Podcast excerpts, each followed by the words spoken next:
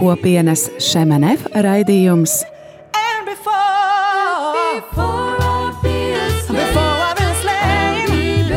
Jaunais ceļš.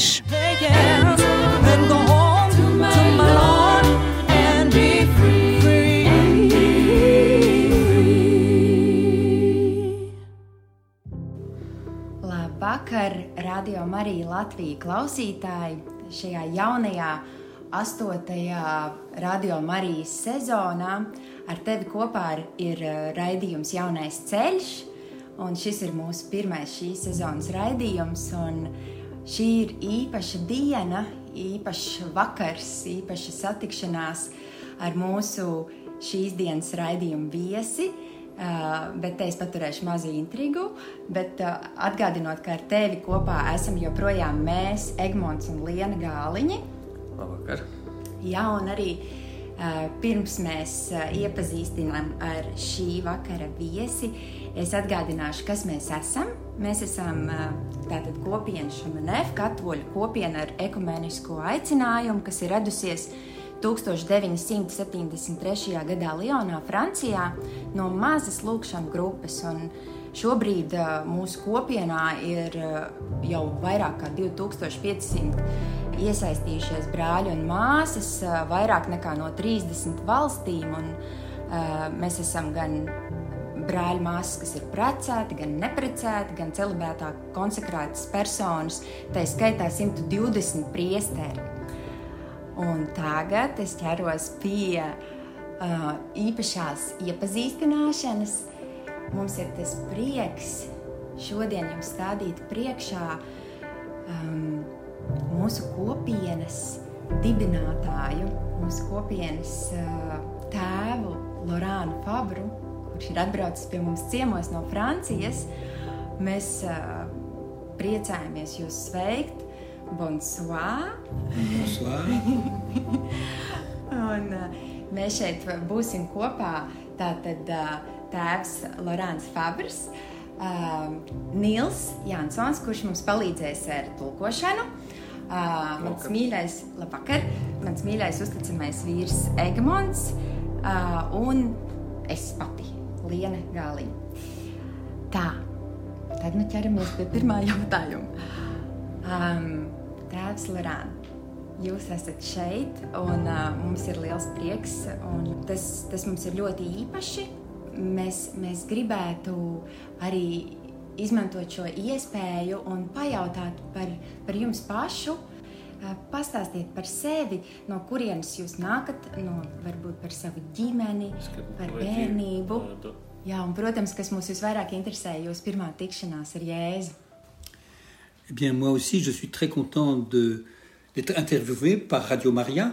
Es arī esmu ļoti priecīgs šeit būt, piedalīties šajā intervijā Radio Marijā. Je suis venu ici en Lettonie il y a 12 ans pour la première fois. Es pirmo reizi atbraucu uz Latviju pirms 12 gadiem. Pour fonder la communauté kopienu. Et aussi à Riga. Et maintenant, 12 ans après, je suis très content de retrouver mes frères et sœurs de la communauté du chemin neuf. Un tagad, pēc 12 gadiem, es esmu ļoti gandarīts no jauna satikt manus brāļus un māsas šeit, Latvijā. Et de retrouver ce beau, beau pays. Un uh, no jauna redzēt šo skaisto valsti. Donc moi, en ce qui me concerne, je suis né d'une famille chrétienne. Attiecībā uz mani es esmu dzimis kristiešu ģimenē. De sept enfants. Kurā bija septiņi bērni. Je suis né pendant la guerre. Es esmu dzimis kara laikā. Otra... En 1940. 1940. gadā. Et j'ai appris seulement il y a cinq ans, à peine il n'y a pas longtemps, j'ai appris quelque chose d'important. Un tikai pavisam nesen, pirms pieciem gadiem, es uzzināju kaut ko ļoti svarīgu. Que mes parents ne m'avaient jamais dit.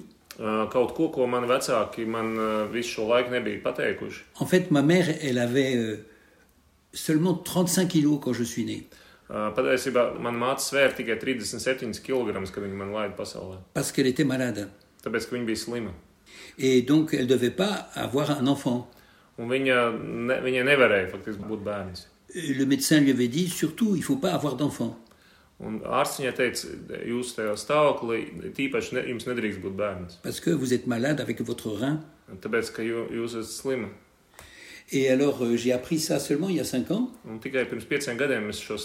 Maintenant, maintenant j'ai 82 ans. Uh, 82 gadi. Que maman, euh, elle a, elle a voulu rejoindre mon père qui était militaire et qui était dans la zone occupée par les Allemands. Uh.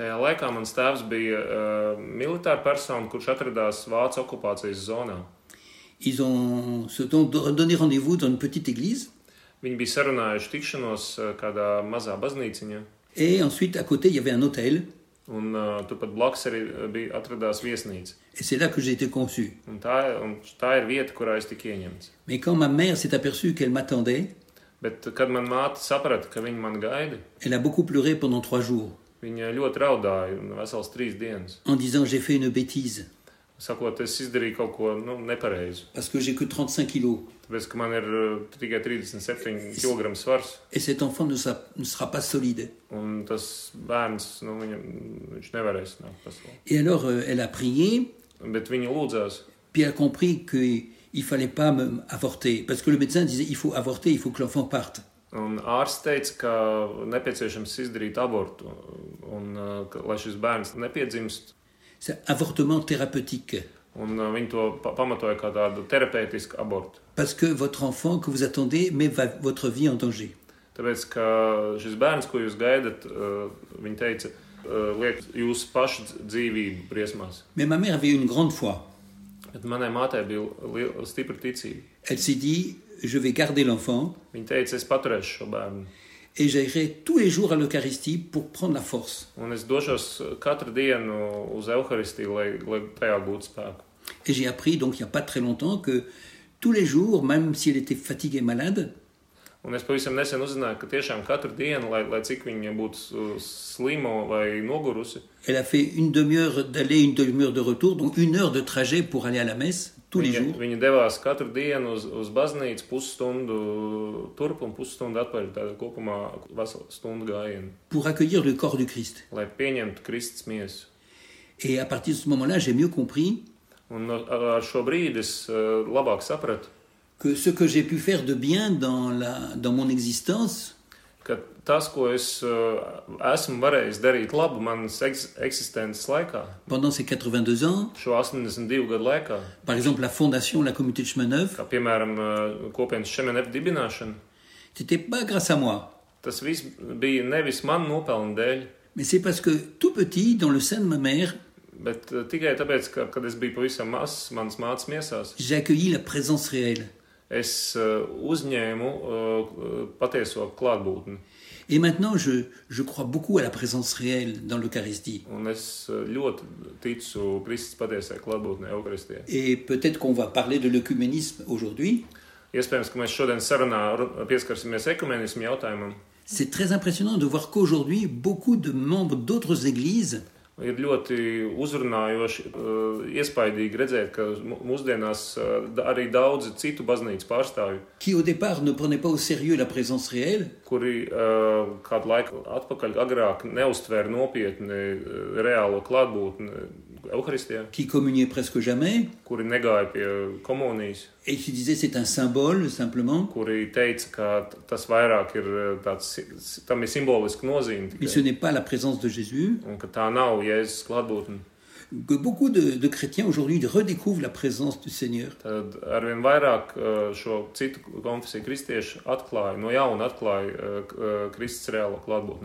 Pour en citer quatre très connus, il y a un certain Benny In, Benny In, pentecôtiste.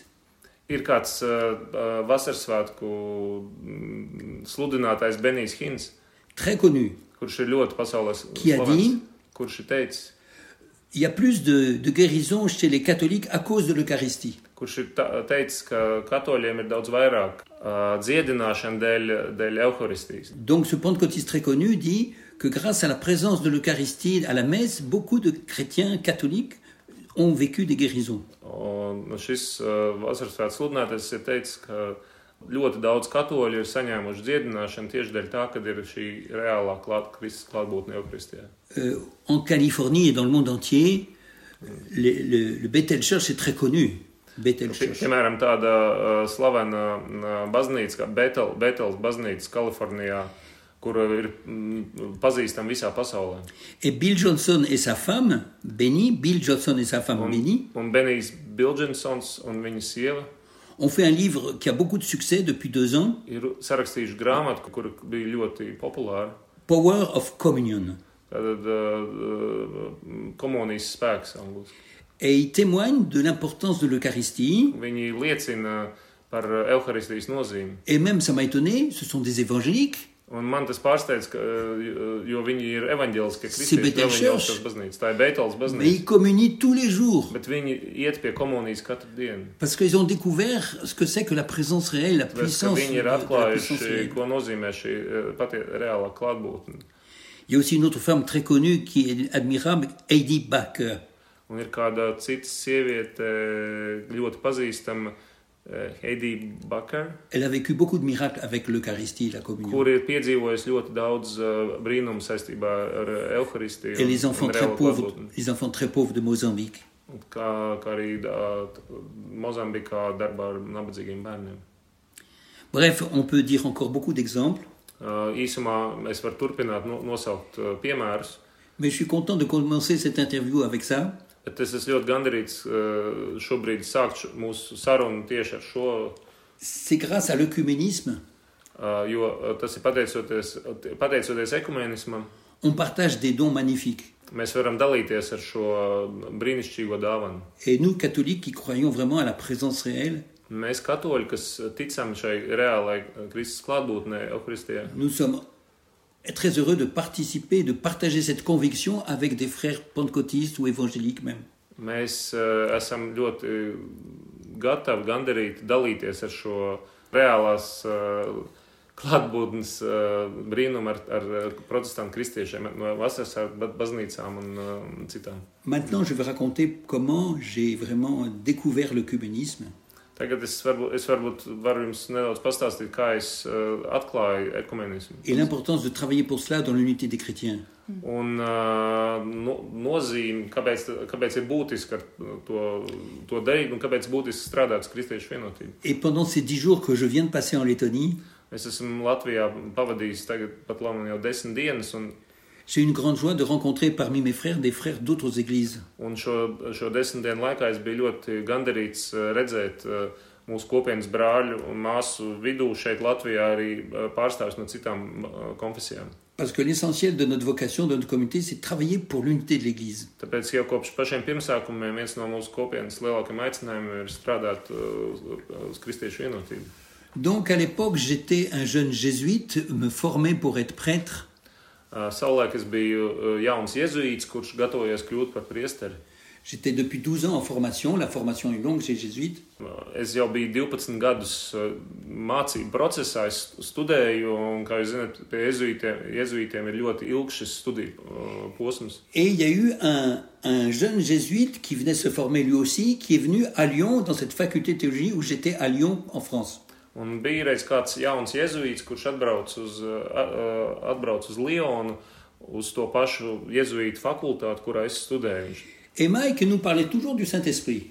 Un viņu sauc Maiks, un mēs ar viņu uh, vienmēr runājam par, par Svēto garu. À l'époque, dans l'Église catholique, on en parlait très peu. Uh, Tajā laikā uh, katoļu baznīcā ļoti maz runāja par Svēto garu. Même, il y a même le pape euh, Benoît XVI qui a écrit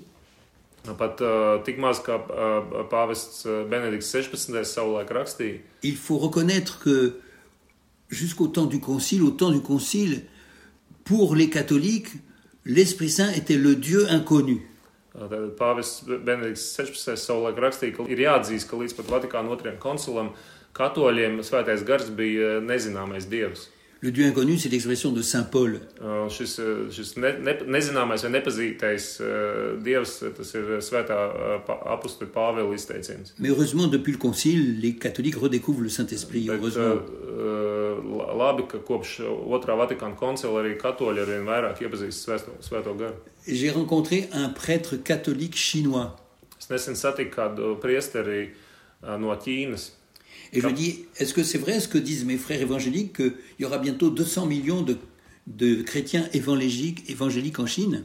Uh, un es viņam 200 vaic- millions. Es viņam vaicāju, vai tā ir taisnība, ko es dzirdu, ka drīz jau būs Ķīnā uh, 200 miljoni, miljoni evaņģēlisko kristiešu. Il m'a dit oui, parce que eux, les évangéliques, ils croient vraiment au Saint-Esprit. Viņš teica, jā, tāpēc, ka viņi evaņģēliskie kristieši patiesi tic svētā gara darbībai. Et là encore, les autres églises nous donnent un exemple. Uh.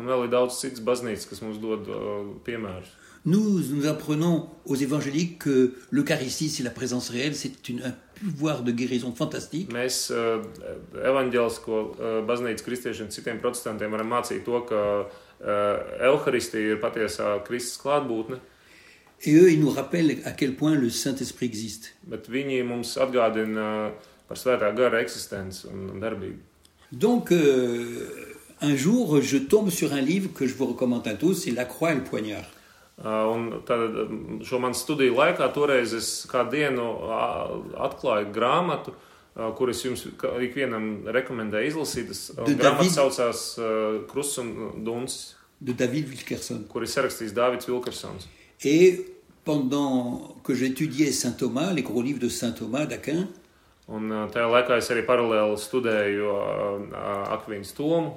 j'ai lu avec joie ce petit livre, de la, la croix, la croix et le poignard. Un tad uh, brīžos, kad, kad es pārtraucu lasīt uh, tomu, Akvīnas tomu uh, grāmatas, tad es uh, lasīju šo mazo grāmatiņu Krusts un Duns. Et curieusement, je me suis aperçu qu'en lisant ce livre, je pleurais à certains moments. O, Un pēkšņi es uh, biju pārsteigts konstatēt, ka lasot šo mazo grāmatiņu, es uh, ļoti bieži man acīs bija asaras, es raudāju. Alors c'est là que j'ai appliqué ce que Saint Ignace, le fondateur des Jésuites, m'a appris. Un šajā brīdī es pielietoju to, ko, ko es biju mācījies, kā jaunais, jauns iezvīts, ko mums ir uh, nodevis Svētais Ignācijas. Ce que notre corps vit, ce que nous vivons, euh, nos sentiments, nos impressions, nos joies, nos peines, nos consolations, tout ça, ça aide à discerner la volonté de Dieu. Uh, un mācījos uh, saskatīt, ko mans ķermenis, uh, ma, manas sajūtas, manas uh, emocijas uh, man saka, lai uh, saprastu Dieva gribu. Et moi j'ai compris que ce livre me, me parlait de Dieu et du Saint-Esprit, que c'était très important. Un tādā veidā es sapratu, ka šī mazā grāmata man uh, runā par, par, par, par svēto garu, kad man viņu uzrunā. Un peu comme notre frère Mike qui parlait toujours du Saint-Esprit. Tāpat kā mans šis jēzuīta draugs Maiks, kurš arī visu laiku runāja par svēto garu. Un jour, euh, nous étions en train de prier dans une petite chapelle à quatre ou cinq jésuites. Uh, Un nedaudz vēlāk mē, mēs nolēmām doties uh, ar maniem uh, studiju brāļiem, jēzuītiem. Mēs nolēmām doties kalnos, lai lūgtos kādā nelielā kalnu namiņā. Et Mike s'est mis à prier d'une curieuse façon. Un Maiks sāka lūgties kādā ne- nepareiz, neparastā veidā. C'était pas en français, c'était pas en anglais, une sorte de charabia. Un tas bija ne angliski, ne franciski, tādi jocīgas skaņas. Et moi, comme j'avais un peu d'études de psychologie, j'ai pensé qu'il avait des problèmes. Un, uh, un tā kā es nedaudz arī biju studējis psiholoģiju, man pirmā doma bija, ka viņam ir kaut kādas problēmas. Et alors deux jours après, je suis allé le voir pour voir s'il n'avait pas des problèmes trop graves. Un, un divas dienas vēlāk es speciāli devos viņu apraudzīt, lai redzētu, vai viņam nav nopietnākas problēmas. Et pendant deux heures, Mike, Un pēc tam te mūsu šajā jaunajā satikšanās reizē, divu stundu laikā, il, il m'a donné son témoignage. Maiks man uh, s- izstāstīja savu liecību. Et en le quittant, Un uh, Es pēc, vi- pēc ejot prom no šīs sarunas, j'étais très impressionné. uh, es biju patiesi dziļi iespaidots Je me suis dit, il n'a pas plus de problèmes que moi, Un es teicu, nu, viņam noteikti nav vairāk problēmu kā man. mais il a rencontré Dieu par le Saint-Esprit. Il a fait une expérience spirituelle forte.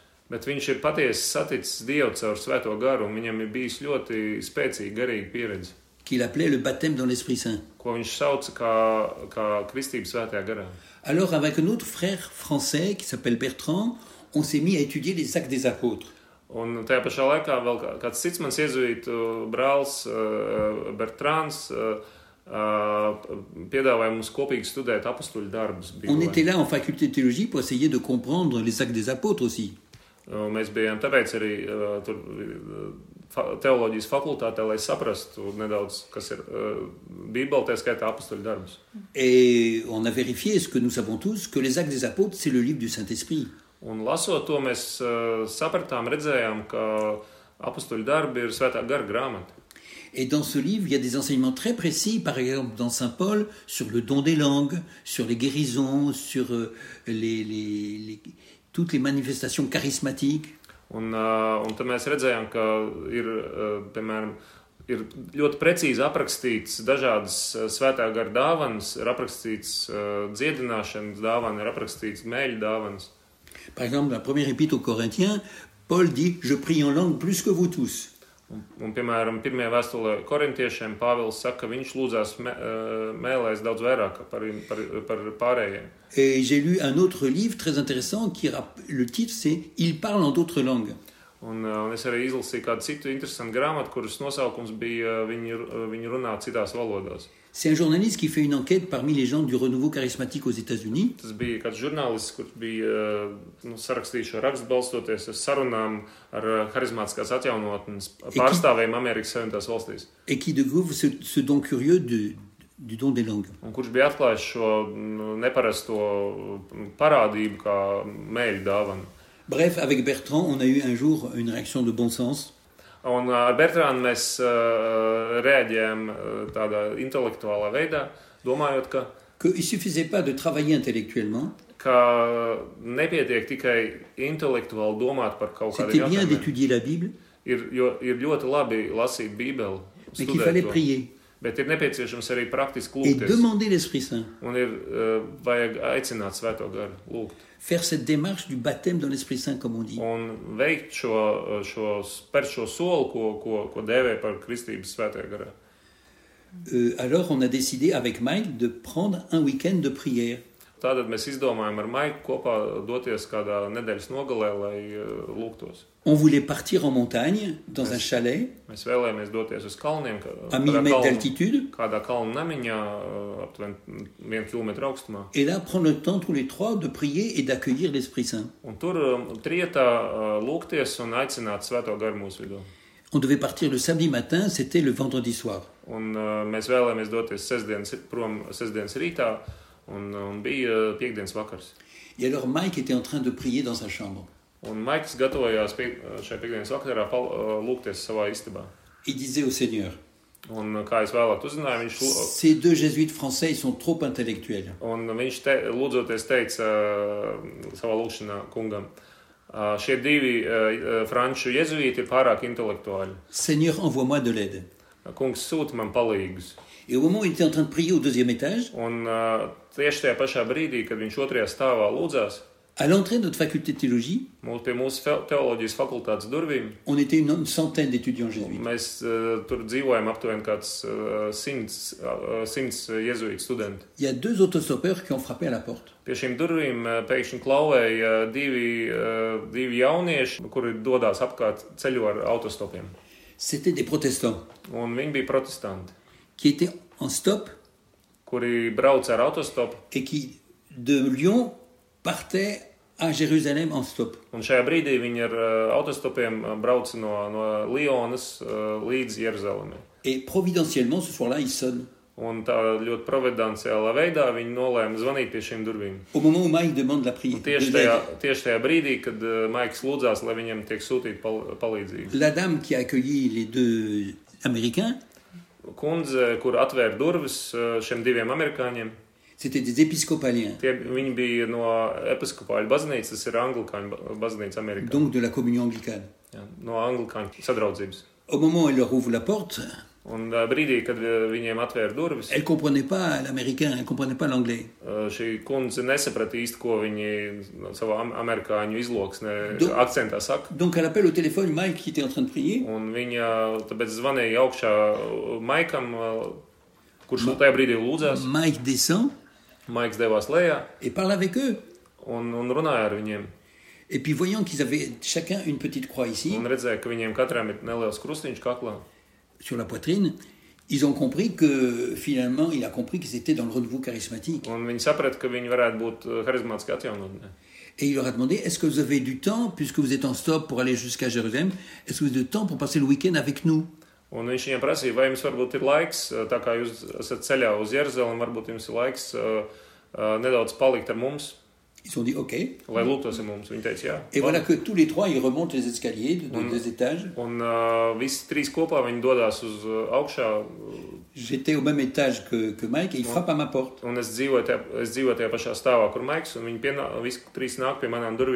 Et toute ma vie, je me souviendrai, j'ouvre la porte et j'entends Mike me montrant ces deux es, Américains. es Maiku Laurent vient voir le cadeau de Dieu. Lorāna, nāc skaties, uh, šis ir, šī ir Dieva dāvana. J'avais pas l'habitude de voir des cadeaux de Dieu vivants. Es nekad nebiju domājis redzēt tādu dzīvu Dieva dāvanu. Et il me dit, est-ce que tu serais d'accord pour qu'il vienne avec nous dans ce week-end où on va prier ensemble Un viņš man prasa, Lorāna, vai, vai tu esi ar mieru, ka, ka, uh, ka viņi brauc ar mums kopā uz šo nedēļas nogalu kalnos? Alors moi, je sais pas pourquoi, mais j'étais réticent. D'habitude, je suis plutôt aimable, mais là, j'ai une réaction bizarre qui m'étonne encore aujourd'hui.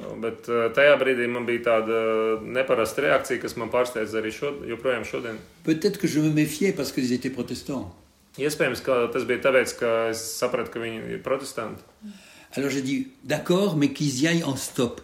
Es teicu, labi, bet lai viņi arī uz turieni brauc ar autostopiem. Ce qui était méchant, Un Kas patiesībā bija ļauni no manas parce puses.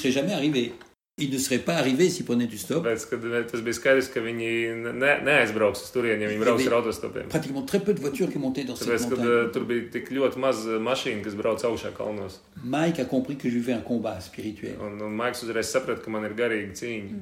Et il les a bien accueillis. Ils ont dormi sur place. Kopmītnēs. Et le lendemain, le lendemain matin, on est partis tous les cinq en voiture. Les deux Américains n'ont pas fait de stop. Et on est monté à ce chalet de montagne où j'ai vécu le plus beau week-end de ma vie. Pour résumer les choses, je dirais que pour nous autres Français, c'était très beau avec ces trois Américains. ka mums, francūžiem, tas bija ļoti svarīgi būt kopā šis laiks ar šiem diviem amerikāņiem, ar Ko pāriem pas- amerikāņiem. On passait facilement de la vie à la prière, de la prière à la vie. Mēs uh, ļoti brīvi uh, pārgājām šīs nedēļas nogales laikā no tādas sadzīviskas uh, atpūtas uz, uz lūkšanu un atkal atpakaļ. Ils ont beaucoup témoigné, Viņi daudz sniedz savu liecību. on a beaucoup prié, Mēs daudz lūdzāmies. et c'était tout simple. Un tas bija ļoti vienkārši. C'était très simple. Ļoti vienkārši. Et le soir, on était au coin du feu. Un uh, vakarā mēs uh, sapulcējāmies pie Il y avait un beau feu de bois. u- u- uguns, pie kamīna, kurā dega. Kurā dega Et on était tous les malka. cinq devant le feu. Un mēs bijām visi pieci pie uguns, Il faisait chaud. un bija karsti.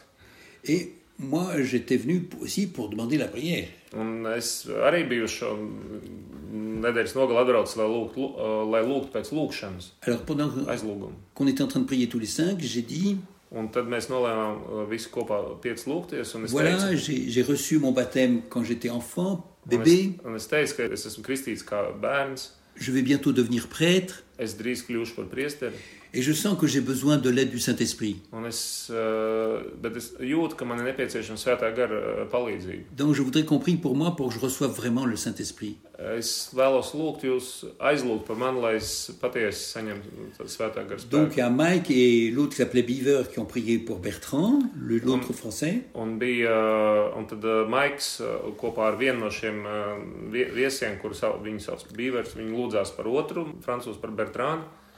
Et celui qui a prié pour moi, c'était, il s'appelait Moses, Un tas, kurš lūdzās par mani, uh, viņu sauc Mozus. parce qu'il était juif, Viņš bija jūda de izcelsmes, famille juive. viņš bija no ebreju ģimenes. Et ensuite, il avait pris comme nom de baptême Marc. Un, bet pēc tam, kad viņš bija kristījies, viņš pie, bija pieņēmis kā kristīto vārdu Marks. Et c'est lui qui a prié pour moi. Un, uh, tas bija viņš, kurš lūdzās par mani. Donc, celui qui a prié pour moi, et je trouve ça que c'est très important, Un tas, kurš par mani lūdzās, es, un es šo uzskatu par ļoti svarīgu, man, celui qui a imposé ses mains sur tas, moi, kurš uzlika man uh, rokas, celui qui a imposé ses mains sur moi, c'était un, un juif devenu épiscopalien. Tad tas, kurš uzlika man rokas, bija uh, jūds, kurš bija kļuvis par uh, episkopālu, par anglikānu. Et là, je trouve ça très intéressant parce que l'unité de l'Église, elle se fera aussi si on fait l'unité avec les juifs. Tāpēc es to redzu kā ļoti tādu nu, zīmīgu notikumu, jo eh, kristiešu vienotību, eh, baznīcas vienotību ir iespējams sasniegt, tad, ja ir vienotība arī ar jūdu tautu.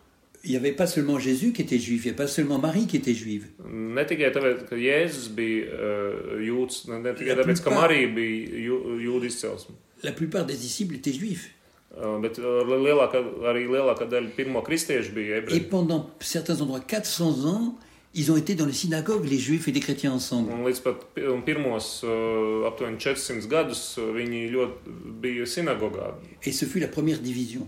Un tikai vēlāk sekoja pirmā sašķeltība. Et il y a eu parfois de la haine entre les chrétiens et les juifs. Un tad sekoja pirmā šķelšanās, kas bija starp kristiešiem un, un jūdiem. Malheureusement, il faut dire que les 6 millions de morts juifs par les nazis et par la guerre, Un, Diemžēl ir jāatzīst, ka 6 miljoni nogalināto, 6 miljoni, kurus nogalināja nacisti otrā pasaules kara laikā, la persécution des juifs, uh, vajāšanas. c'était fait par des gens qui étaient baptisés. Uh, kristīti. Donc il y a une grande blessure au départ, une grande séparation. Et pour moi, c'était très heureux que celui qui priait pour moi, c'était un juif devenu chrétien.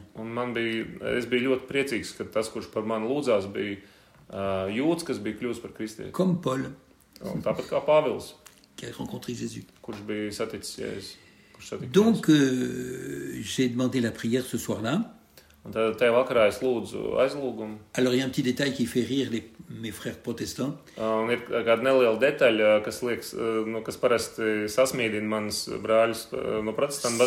Je voulais rester catholique, Je voulais vraiment rester catholique, je voulais pas devenir protestant.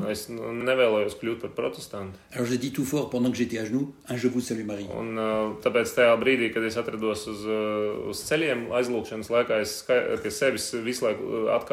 uh, uh. Euh, bon, on, on a prié les uns pour les autres, comme ça, puis ensuite on est allé se coucher.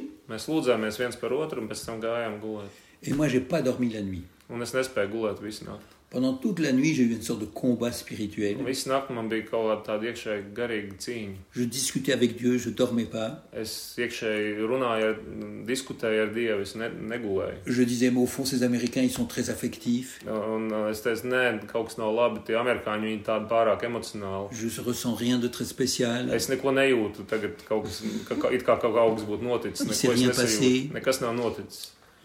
Et puis le lendemain matin, on s'est retrouvés avec les autres, tous les cinq. Uh. Et comme on fait bien dans la compagnie de Jésus, on a fait une relecture.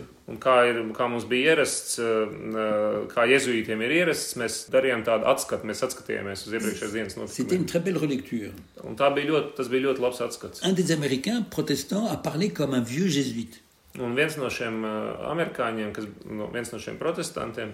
viens no šiem uh, amerikāņiem, kas, no, viens no šiem protestantiem, runāja kā tāds patiesi vecs jēzuīts. Il nous a même expliqué une règle de discernement de Saint Ignace. Uh, viņš pat varēja izskaidrot, ko Svētais Ignācijas ir, ir mācījis par šo izšķiršanu. C'est une règle toute simple qui dit, Un quand tas, on avance, qu'on progresse vers le Seigneur, precīzāk tas ir uh, tas skar šo jautājumu, ka jo mēs vairāk uh, tuvojamies kungam, c'est alors là que le mauvais esprit nous inquiète et nous attriste. jo šādos brīžos arvien uh, vairāk tieši ļaunais gars mums uh, uzbruks un, uh, un centīsies mūs ievest tādās skumjās. Un, Saint Ignace dit même qu'il nous mord, tu vois. un viņš pat Svētais Ignācijas savulaik rakstīja, ka ļaunais gars centīsies mūs tā kā ie, iekost. C'est exactement ce que j'avais vécu. Un tas, tie, tas ir tieši tas, ko es piedzīvoju. Depuis que j'avais décidé de suivre le Seigneur euh, et de demander cette prière, j'ai eu des combats.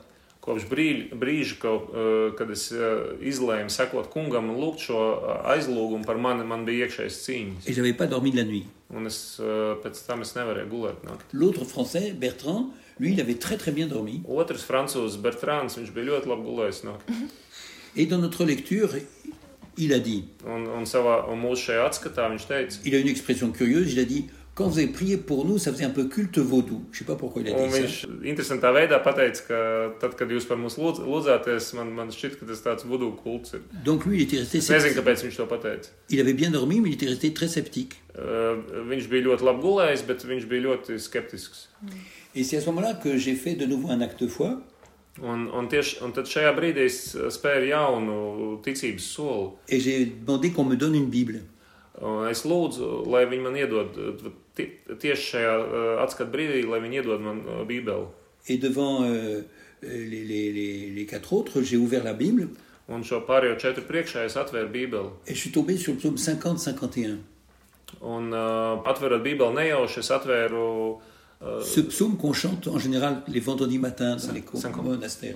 Un 50-51. es atvēru Bībeli uh, vietā, kur bija 50. psalms. Pitié pour moi, Seigneur, en ta bonté. Kungs apžēlojies par mani. Donc c'est un, psaume magnifique qui, Tas ir, tas qui ir est un brīnišķīgs psaume où on demande pardon au Seigneur. Tas ir brīnišķīgs psalms, kas uh, lūdz, piedod, kurā tiek lūgta Et très, curieusement, c'est un des rares psaumes où il y a le Saint-Esprit. Ne retire pas de moi ton Esprit Saint, il y a dans ce Un psaume. kas ir uh, ļoti interesanti, tas ir viens no retiem psalmiem, kur ir runāts par uh, svēto garu, jo tur ir teikts, neatņem man savu garu. Donc on a lu ce psaume en français et en anglais. Un, un tad mēs lasījām šo psalmu angliski un franciski. Et là, j'ai vécu quelque chose de magnifique. Un šajā brīdī es piedzīvoju kaut ko patiesi Je crois que c'est la plus grande grâce de ma vie. Es uzskatu, ka tā bija viena no lielākajām žēlstībām. Je me suis dzīvē. vraiment, vraiment reconnu pécheur. Šajā brīdī es patiesi sapratu un sajūtu, ka es esmu grēcinieks. Pour la première fois de ma vie, beaucoup plus que d'habitude, je me suis senti un pauvre type. Pirmo, pirmo reizi dzīvē daudz spēcīgāk kā agrāk es sajūtu, sapratu, ka es esmu Je grēcinieks. voyais pas tel ou tel péché particulier, mais je Yes. voyais mon péché. Neredzēju, es neredzēju kādu īpašu noteiktu grēku, bet es sapratu, cik ļoti es esmu gr I- grēcīgs. Et en même temps, je sentais vraiment l'amour de Dieu, quoi. Bet vienlaikus es arī uh, sajūtu milzīgu dievu mīlestību. Et je me suis mis à pleurer, Un es sāku raudāt. à pleurer euh, comme quelqu'un qui, qui, qui, est, qui est dans la joie, en fait. Mais moi, depuis ce moment-là, quand j'ai une joie spirituelle, je pleure. Un raudāju kā kāds, kurš, ir, uh, kurš patiesībā ir priekā, dziļā priekā. Un uh, patiesībā kopš tā brīža es uh, parasti, kad man ir kāda dziļa, garīga prieka brīža, saviņojuma brīža, es raudu. Euh, pour les orthodoxes, euh, le, le don des larmes est souvent le signe du, de la- du baptême dans l'Esprit Saint. Nereti ir teikts, ka, ka asaru dāvana ir ir svētā gara kristību kā zīme, ka tas Es ir jau- svētā gara darbība notikusi. Et je crois que c'est vrai pour beaucoup de gens. En tout cas, c'était vrai pour moi. Es zinu, ka tas ir daudziem cilvēkiem tā, un katrā gadījumā tas bija noteikti manā gadījumā. Alors donc, euh, Bertrand aussi a vécu quelque chose de très beau. Un arī Bertrāns piedzīvoja kaut ko uh, skaistu. Parce qu'on est allé se promener et s'aérer après cette tendre lecture. Un mē- Jo mēs bijām dev, devušies pastaigāties. Et quand il revenait, il m'a dit c'est la plus grande joie de ma vie.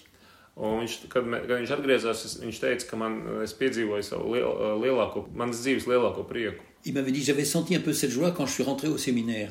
Uh, Man bija, viņš teica, man bija tāds pats prieks, kā kāda es i- izjūtu, kad ies, savulaik iestājos seminārā. Et alors c'était curieux, tous les cinq. Moi, je continuais à pleurer. Un tas ir ļoti interesanti, ka mēs visi pieci, es turpināju raudāt.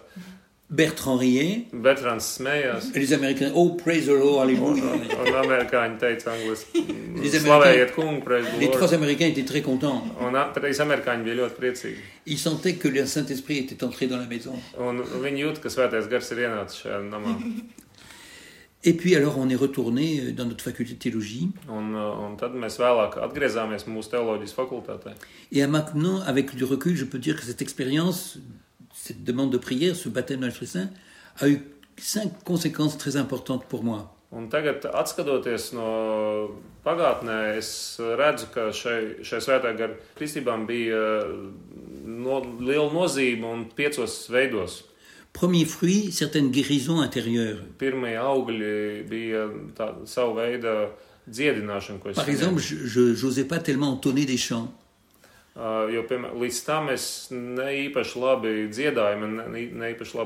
Et pour un futur prêtre, c'est un peu embêtant. Labi. Ja ne, Et là, depuis ce moment-là, ça m'est très facile. Si je connais le chant, je peux le chanter.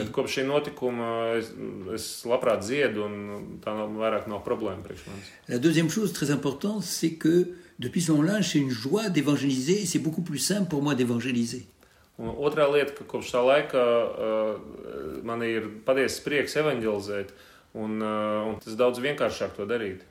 Quand je parle de, de Saint Paul et de la joie de Saint Paul, moi aussi je l'ai vécu. Kad es runāju par svētā Pāvila prieku, es varu liecināt, ka es pats to esmu piedzīvojis. Donc ça m'a donné du courage et la- c'est beaucoup plus simple d'évangéliser depuis ce moment-là.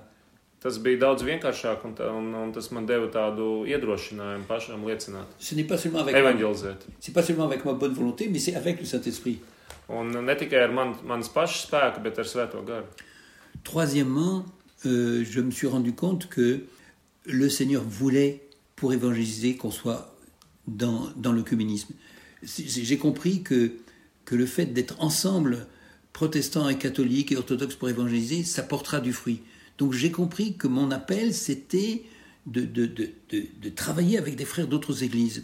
Un treškārt, es sapratu, ka kungs vēlās, lai, lai, lai mēs būtu kopā no, visi, no dažādu konfesiju kristieši, uh, lai, lai spētu kopīgi evanģelizēt. Un, un tajā brīdī es arī sapratu, ka tas ir mans aicinājums uh, strādāt šajā kristiešu vienotības labā. Et depuis ce moment-là, je, je, je sens une confirmation très très forte.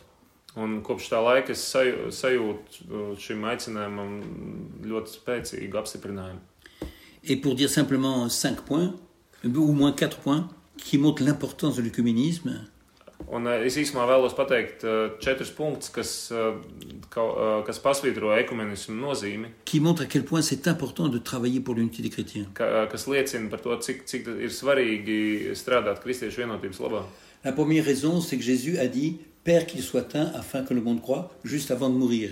Pirmais, eh, pirmais iemesls eh, ir tas, ka eh, Jēzus pirms savas nāves teica šo lūgšanu, kungs, lai viņi būtu viens, lai pasauli ticētu, ka tu man esi sūtījis. Donc c'est bien la, la, la prière de Jésus. Et nous, si on choisit de travailler pour l'unité des chrétiens, c'est par obéissance.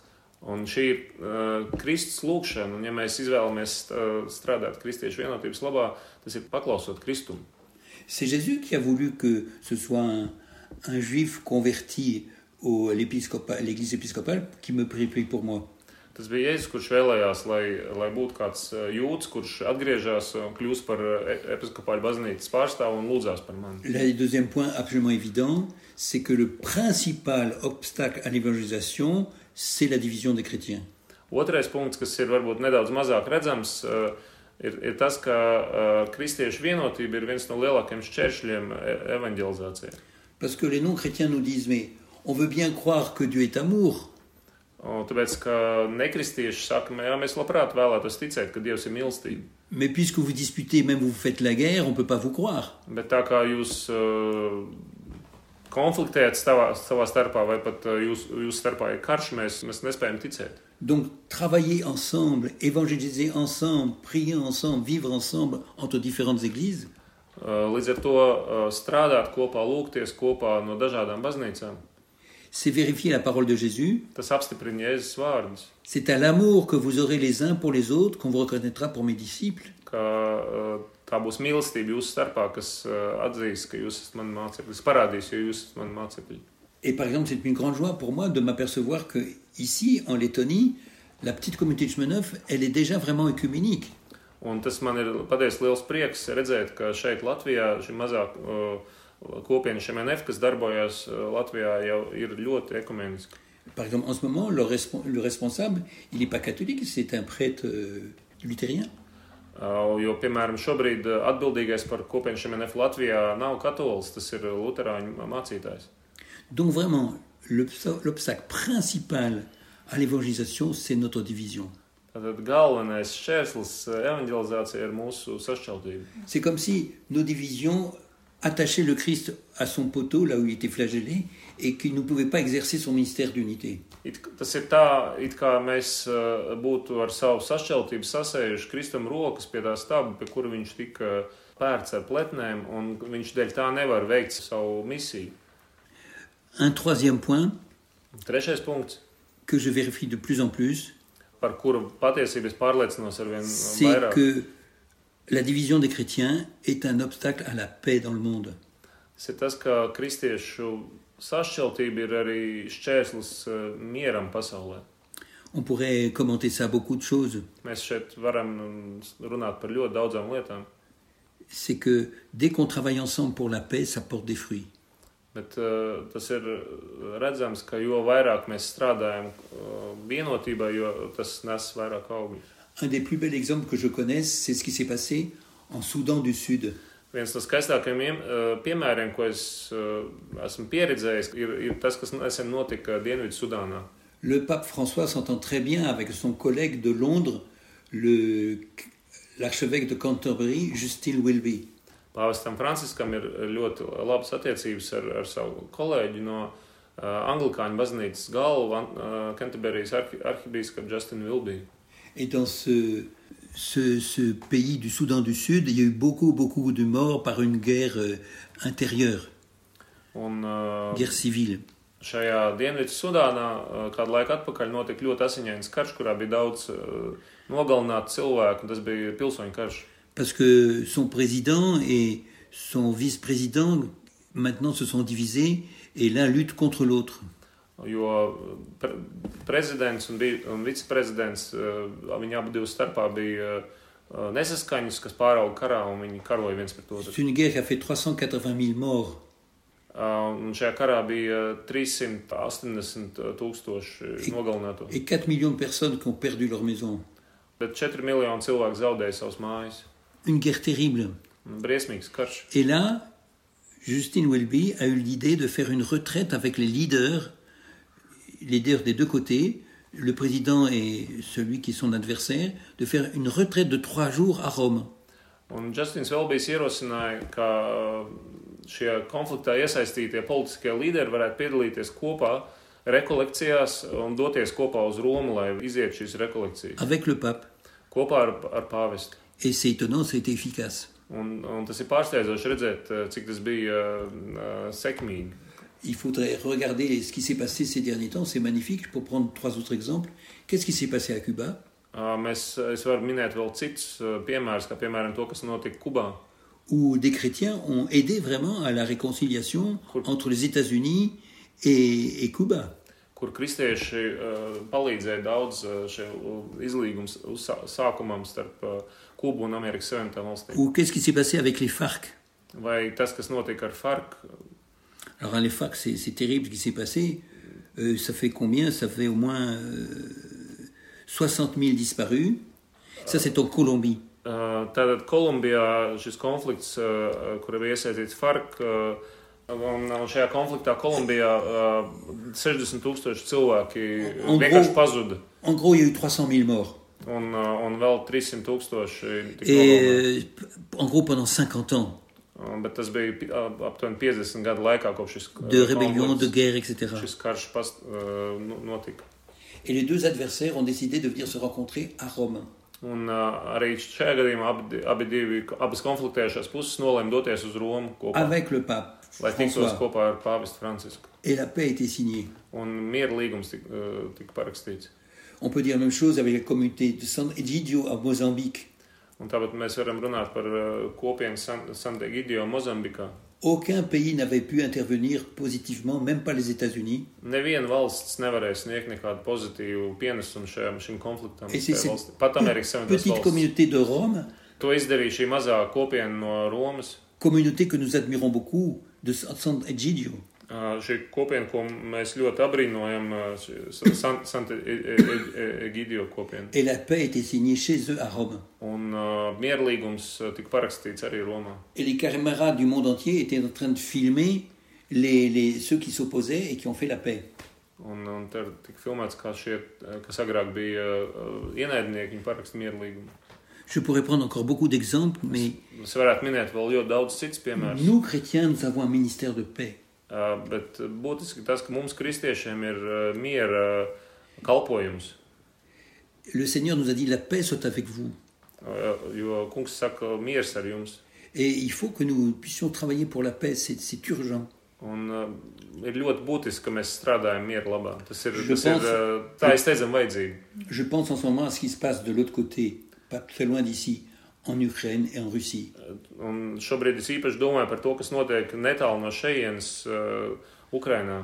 Il est temps que les chrétiens apprennent leur ministère de paix Ir, ir, uh, ir, ir laiks, uh, lai kristieši et soient uh, des artisans de no paix. jauna mācītos savu sa- šo kalpojumu, mieru kalpojumu un būtu uh, miera nesēji.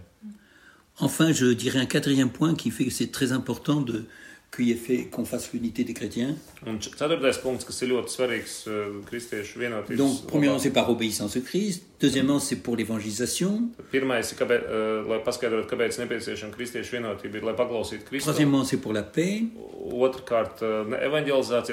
Quatrièmement, c'est pour échanger nos dons. Le communisme, c'est d'échanger nos dons.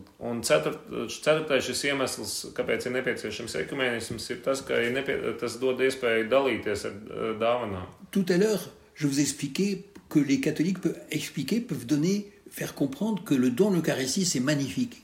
Un iepriekš es runāju par to, ka katoļi var, var liecināt un var parādīt, cik ļoti nozīmīgs ir Euharistija, reāli, Kristus reālā klātbūtne Euharistijā. Et ça me réjouit beaucoup, parce qu'il y a même des gens non catholiques qui commencent à vivre l'adoration, et c'est étonnant les fruits que ça pose. Un man tas ļoti iepriecina, ka pat nekatoļi arvien vairāk un vairāk pie, izdzīvo adorāciju. Je vous ai parlé par exemple de Pentecôtiste qui était ouvert à certaines choses.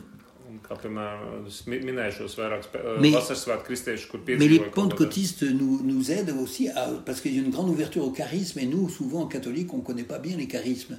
Et alors les évangéliques, les pentecôtistes, ils nous aident à, à aspirer aux dons spirituels, comme dit Saint Paul. Bet vasarsvētku kristieši mums savukārt var palīdzēt daudz vairāk atklāt da- dažādas dāvanas, jo viņi par, tām, par šiem jautājumiem daudz vairāk runā, darbojas, lūdzas. Prenons un dernier exemple très très clair. Un vēl viens piemērs, kur, kas ir ļoti skaidrs, Donc notre communauté est présente dans une trentaine de pays. un uh, ņemot vērā, ka, ka mūsu kopiena ir uh, 30 valstīs uh, klātesoša. Eh bien, dans tous ces pays, nous voyons l'influence des cours alpha. Un šajās visās valstīs mēs redzam, cik ļoti svarīgi ir alfa, alfa kurs. Le cours alpha, c'est un don qui nous vient des anglicans. Un uh, alfa, alfa kurs ir, ir, ir, ir, kāda, ir dāvana, ko mums ir sniegusi Anglikāņu baznīca. Cette paroisse Holy Trinity Breton a reçu des évêques du monde entier de différentes églises. Un šajā vietā, uh, Anglijā, Lielbritānijā, kur ir šī, šis kurs ir radies, tur brauc biskupi no visas pasaules. Et les anglicans nous ont donné ce cadeau magnifique des cours alpha. Un uh, Anglikāņi mums ir devuši šo brīnišķīgo dāvanu, kas ir al, Bref, al, alfa kurs. On est en train d'apprendre à être ensemble, frères et sœurs, et ça c'est nouveau. Un uh, īsumā mums ir jāmācās, uh, brāļi, māsas, dzīvot uh, kopā. Merci beaucoup. Tikai gribu precizēt, eh, FARC eh, tika pieminēts, kas tas ir. Alors, euh, il y avait un communiste, Alvaro Uribe, qui a fait la révolution et qui a fondé les FARC avec d'autres. Bija, uh, bija kāds komunists, Alvaro Uribe, kurš vēlējās veidot revolūciju, un viņš izveidoja organizāciju, kur Et ensuite, il y a un- seisnēm burti bija FARC. En- ensuite, il y a un cer- FARC. Ensuite, il y a un certain Juan Manuel Santos, qui était euh, président, qui était prix Nobel de la paix d'ailleurs. Un pēc tam bija tā, ka viņa uh, tas uh, ienaidnieks, pret, pretinieks bija uh, Santos, kurš bija tā laika Kolumbijas prezidents. Alors, ils n'arrivaient pas à faire la paix. Un viņiem neiz, neizdevās nekādīgi Alors, panākt mieru līgumu. starp- L'aide du pape François. Un viņi izlēma, abi divi kopā izlēma vērsties pie pāvesta Et tous les deux ont pris l'avion. Un abi divi sēdās lidmašīnā Et on allait discuter avec le pape François à Rome. un devās uz Romu, lai runātu ar pāvestu Francisku. Et c'est étonnant parce qu'à la suite de ça, ils ont fait signer la paix. Un tas ir pārsteidzoši, ka pēc, pēc, pēc tā viņi parakstīja mieru līgumu. Et par exemple, il y a un, un certain Timonchenko. Timonchenko, c'était un, un rebelle, c'était un terroriste. Un, ir, piemēram, kāds uh, interesants, ka tāds Timonchenko bija, kas bija, uh, kas bija terorists un, un, un, Qui, un, qui était parmi les FARC. un kurš bija viens no šiem FARC uh, dalībniekiem. Et alors, publiquement, il a demandé pardon Un viņš uh, publiski lūdza atdošanu. en disant Grâce au pape, je vous demande pardon. Un viņš teica, pateicoties eh, pāvestam, es jūtu līdzi. Par visu, visu to ļaunumu, ko mēs esam darījuši, par šiem 300 tūkstošu nogalinātiem. Redzot, ka šis, eh, eh, šis kaujinieks lūdz piedošanu, bija kaut kas brīnišķīgs. En fait, c'est tout simple. Un tas ir ļoti vienkārši. On peut pas vivre sans le pardon. Uh, ka Mēs, tas ir ļoti vienkārši, jo mēs nevaram dzīvot bez atdošanas. Dans une famille, on ne peut pas vivre sans le pardon. Mēs nevaram dzīvot bez atdošanas. Dans un Ģimenē. couple, on ne peut pas vivre sans le pardon. Mēs nevaram dzīvot bez piedošanas pārī. Si on ne se pardonne pas, ça devient invivable. Ja mēs nepiedodam, tas ir ne, nepārvarami kļūst, Ça ne, peut, neciešami. ça peut devenir même meurtrier. Tas pat var kļūst, tā, kļūt nāvējoši. Donc il est temps qu'on qu'on s'évangélise nous-mêmes et qu'on apprenne à pardonner. Un tad, tad ir laiks, kad mēs varam mācīties to darīt. Mm. mm. Paldies! Paldies. Un tā, Lorāna, jūs esat sagatavojis kādu dziesmu priekš mums. Oui, on m'a dit de préparer une chanson. et, et je recommande à tous les auditeurs de, de Radio Maria d'écouter ce chant magnifique, vraiment magnifique, de Matisse Yahou. Kuras autors Donc c'est un, un, un jou- un- un chanteur de reggae un kurš ir uh, reggae, reggae izpildītājs, qui, qui est, qui est juif kurš ir uh, pats uh, ebrejs, et qui a créé ce chant. Les paroles, c'est magnifique. un kurš ir sarakstījis šo dziesmu un vārdus brīnišķīgus. Et alors, euh, pour raconter les choses, ça vaut la peine de dire ça, quelques mots, ir, avant qu'on écoute ce chant. varbūt būtiski, pirms mēs klausāmies šo dziesmu, pateikt pāris vārdus par kontekstu. En 1948, Uh, kad, uh, 1948. gadā? Il y a quelque chose de terrible à Haïfa. uh, mm, Izrēlā, notika kaut kas uh, briesmīgs. Ça me fait penser à ce qui s'est passé à Mariupol. Uh, tas man lika domāt par to, kas nesen notika Mariupolē. Donc euh, là, dans ce port euh, qui est à peu près à une heure de, de Tel Aviv, Un tur, uh, šajā ostas pilsētā, kas ir aptuveni vienas stundas brauciena attālumā no dans ce port Telavivas, de Haïfa, šajā Haifas ostā, il y avait à l'époque 71 000 Arabes, donc palestiniens, uh, tajā laikā tur bija uh, uh, 71 000 Arabes 71 tūkstoši sarābu et 74 000 un, sept, Juif. un, un 74 tūkstoši ebreju, kas, kas, kas tur dzīvoja. et qui s'entendaient bien. Un kuriem bija labas uh, savstarpējas attiecības. Et puis il y a la guerre. Un tad sākās karš. Comme avant, beaucoup d'Ukrainiens s'entendaient très très bien avec les Russes. Un tāpat kā mēs to redzējām Ukrajinā, kad uh, pirms kara Ukrāņiem bija labas Il y a attiecības beaucoup ar d'amitié Krieviem. entre les Russes et les Ukrainiens. Bija uh, li- daudz uh, draudzības starp Mais la guerre, Ukrāņiem ça détruit un, tout. un Krieviem. Bet karš to visu iznīcināja. Et alors donc, euh, ce chant, c'était magnifique et c'était un succès dans le monde entier. C'est 3000 personnes qu'ils ont rassemblées. Un šis, šī dziesma, ka- kurai bija liela panākuma visā pasaulē, to izpildīja 3000 dziedātāji. pour chanter ce chant d'espérance, One Day, One Day, un jour, un jour, mon rêve c'est qu'un jour, un jour, il y aura la paix. Uh, un tā tika izpildīts tajā pašā vietā, Haifā. uh, Un vārdu galvenā doma ir, ka kādu dienu uh, būs miers. Alors ce qui m'a beaucoup touché, c'est que ces 3000 représentent au fond les enfants d'Abraham. Un kas man ļoti īpaši uzrunāja, ka, ka šie, šie 3000 dziedātāji uh, visi pārstāvēja, visi bija Abrahama pēcteči. Il y en a 1000 qui chantent en hébreu. Jo tur bija uh, tūkstots, kas dzied uh, hebru, La plupart sont juifs. no kur, kur ir jūdi. Il y en a 1000 qui chantent en arabe. Uh, otrs tūkstots dzied arābiski, La plupart sont musulmans. Et il y en a 1000 qui chantent en anglais. Un kristieši. D'entendre les enfants d'Abraham Tātad Parce tie visi trīs Abrahama bērni, et les, Ara- et les juifs, les chrétiens et les musulmans reconnaissent Abraham comme leur père, comme le père dans la foi. C'est le patriarche pour nous, nos trois religions. visas trīs grupas ir, uh, ir Abrahama bērni, jūdi, kristieši un musulmaņi, jo visas trīs atzīst Abrahamu kā savu kā ticības tēvu. Et alors, ils ont monté un chant où ils chantent euh, en alternant l'anglais, l'arabe et l'hébreu. Un uh, viņi kopā izpildīja šo dziesmu, kuru dziedāja uh, angliski, e, ebrejiski un arābiski. Et c'est magnifique, c'est plein d'espérance. Un šī dziesma ir pilna ar cerību. Dans l'abbaye où je me trouve, où je vais retrouver bientôt, l'abbaye d'Hautecombe, c'est une très belle abbaye au bord d'un lac.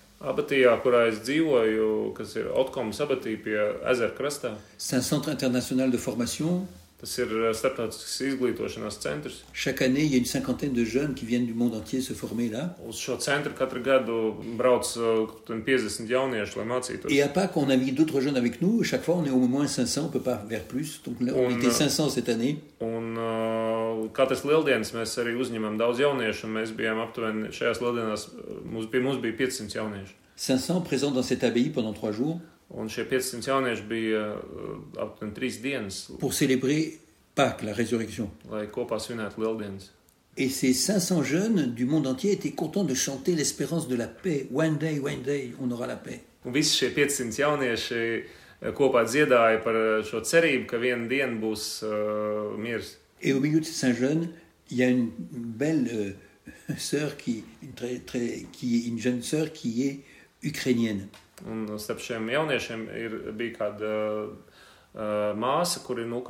Et ça a été filmé, et voir cette Ukrainienne au milieu de ceux qui chantent la... Parce que sa famille est en guerre, sa famille était, loin de sa famille, c'est un chant d'espérance magnifique.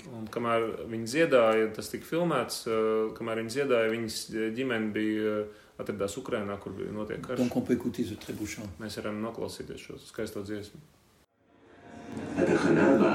חיפה מרכז השמונה.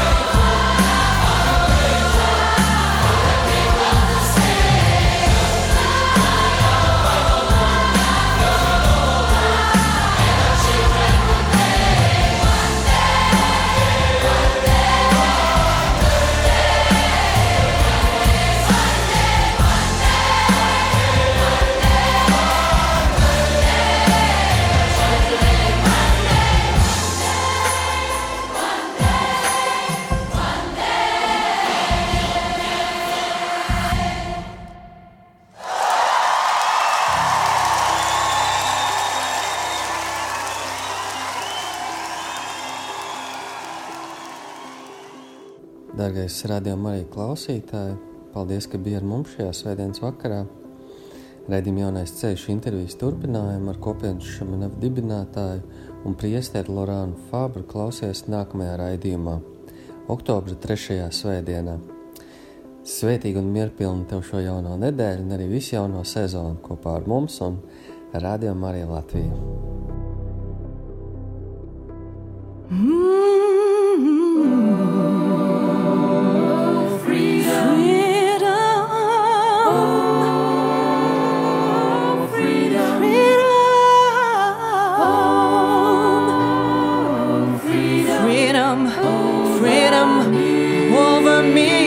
Kopienas Šemenef raidījums